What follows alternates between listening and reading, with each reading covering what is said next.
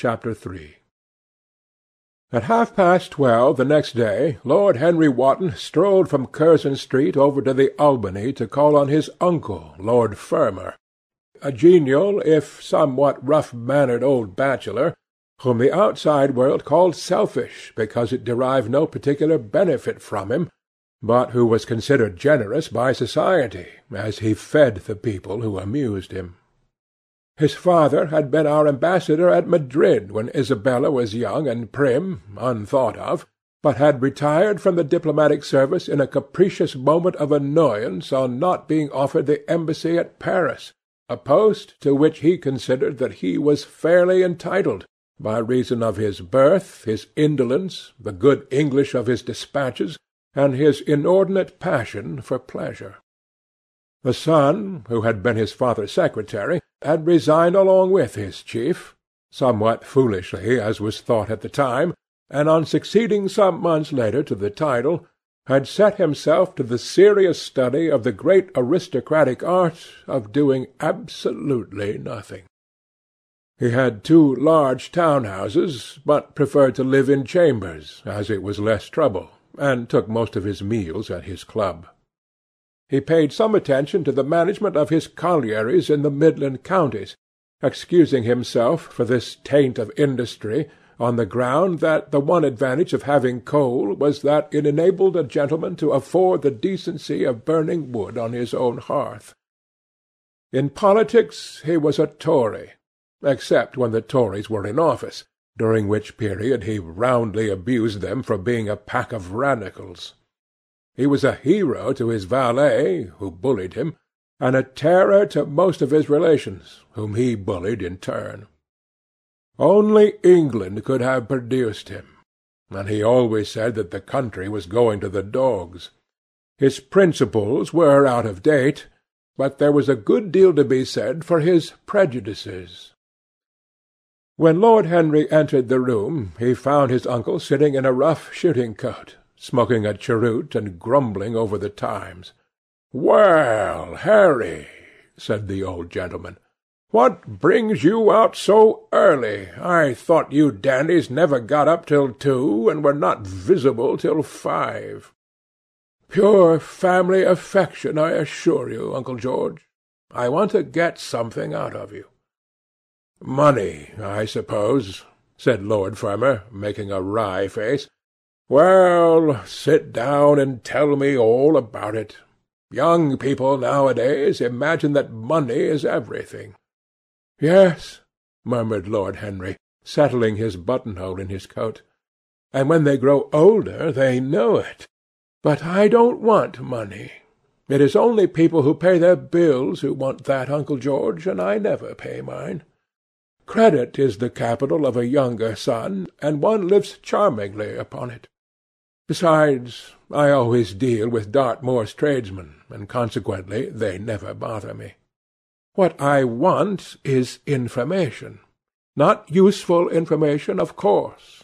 Useless information. Well, I can tell you anything that is in the English Blue Book, Harry. Although those fellows nowadays write a lot of nonsense.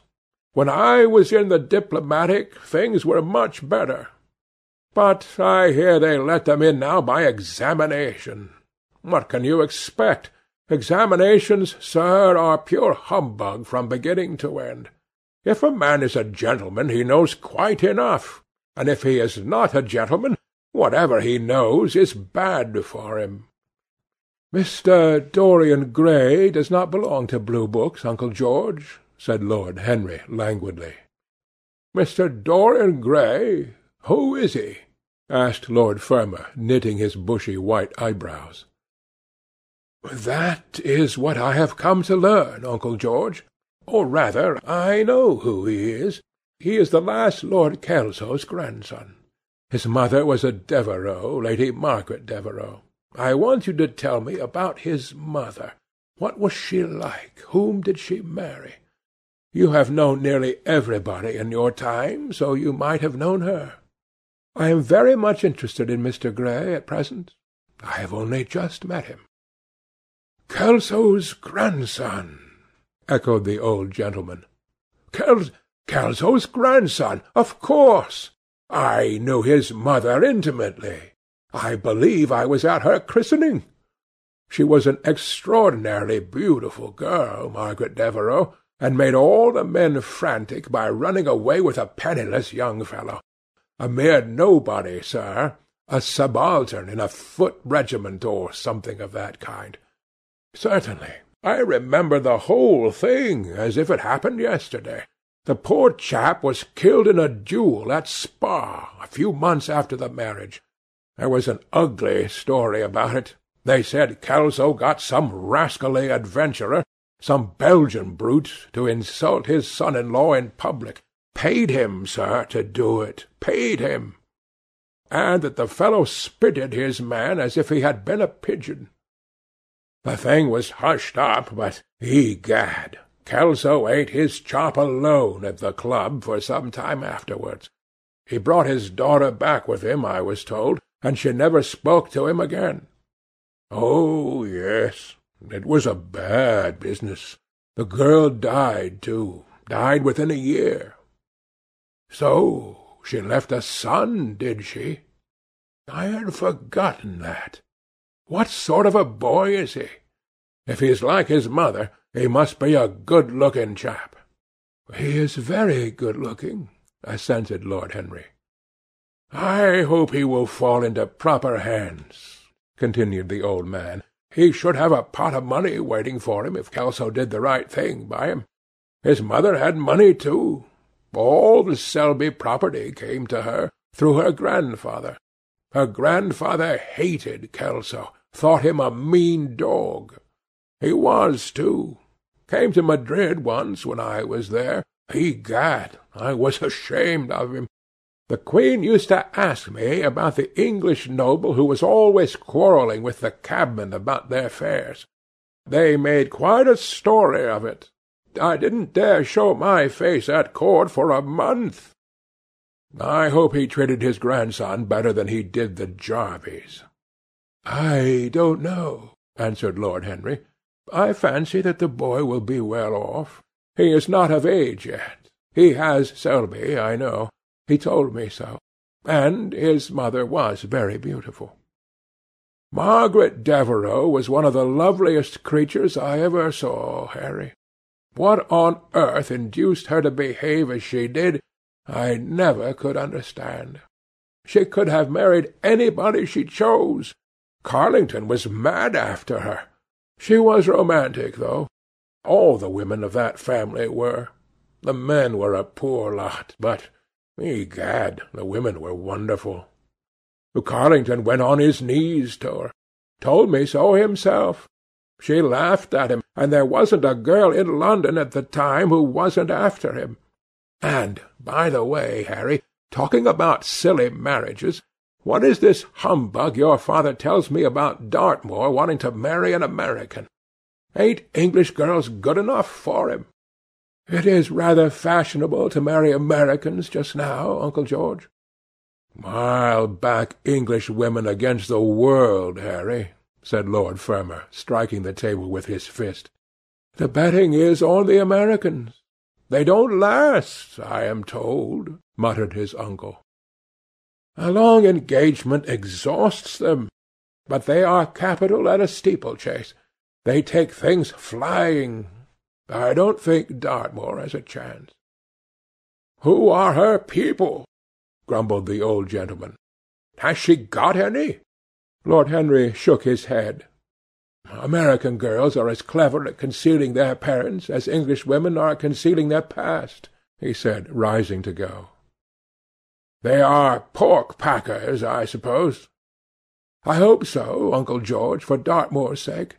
I am told that pork packing is the most lucrative profession in America, after politics.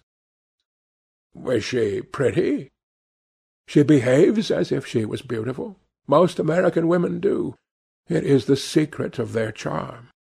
Why can't these American women stay in their own country? They are always telling us that it is the paradise for women. It is. That is the reason why, like Eve, they are so excessively anxious to get out of it, said Lord Henry. Good-bye, Uncle George.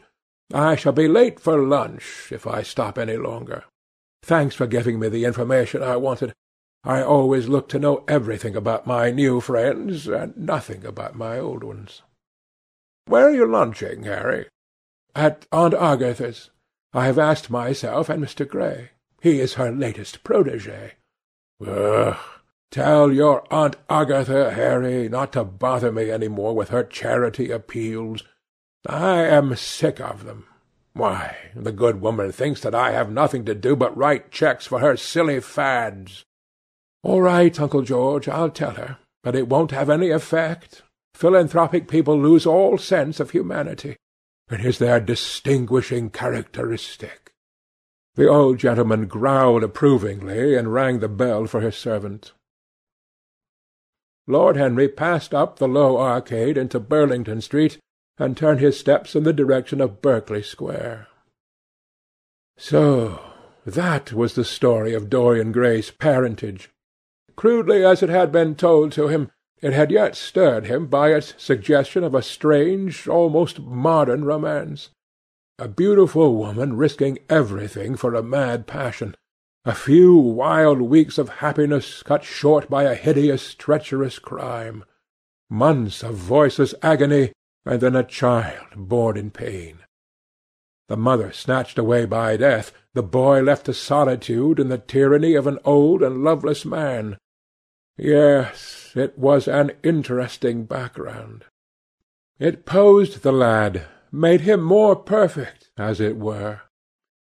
Behind every exquisite thing that existed there was something tragic. Worlds had to be in travail that the meanest flower might blow. And how charming he had been at dinner the night before, as with startled eyes and lips parted in frightened pleasure he had sat opposite to him at the club, the red candle-shades staining to a richer rose the wakening wonder of his face. Talking to him was like playing an exquisite violin. He answered to every touch and thrill of the bow. There was something terribly enthralling in the exercise of influence. No other activity was like it. To project one's soul into some gracious form, and let it tarry there for a moment, to hear one's own intellectual views echoed back to one with all the added music of passion and youth, to convey one's temperament into another as though it were a subtle fluid or a strange perfume. There was a real joy in that, perhaps the most satisfying joy left to us in an age so limited and vulgar as our own, an age grossly carnal in its pleasures, and grossly common in its aims. He was a marvellous type, too, this lad whom by so curious a chance he had met at Basil's studio, or could be fashioned into a marvellous type at any rate. Grace was his, and the white purity of boyhood, and beauty such as old Greek marbles kept for us. There was nothing that one could not do with him. He could be made a Titan or a toy. What a pity it was that such beauty was destined to fade. And Basil, from a psychological point of view, how interesting he was! The new manner in art, the fresh mode of looking at life, suggested so strangely by the merely visible presence of one who was unconscious of it all. The silent spirit that dwelt in dim woodland and walked unseen in open field, suddenly showing herself, dryad-like, and not afraid, because in his soul who sought for her there had been wakened that wonderful vision to which alone are wonderful things revealed, the mere shapes and patterns of things becoming, as it were, refined, and gaining a kind of symbolical value, as though they were themselves patterns of some other and more perfect form, whose shadow they made real. How strange it all was! He remembered something like it in history. Was it not Plato, that artist in thought, who had first analyzed it? Was it not Buonarroti, who had carved it in the coloured marbles of a sonnet sequence? But in our own century it was strange. Yes, He would try to be to Dorian Gray what, without knowing it, the lad was to the painter who had fashioned the wonderful portrait. He would seek to dominate him; had already, indeed, half done so. He would make that wonderful spirit his own. There was something fascinating in this son of love and death.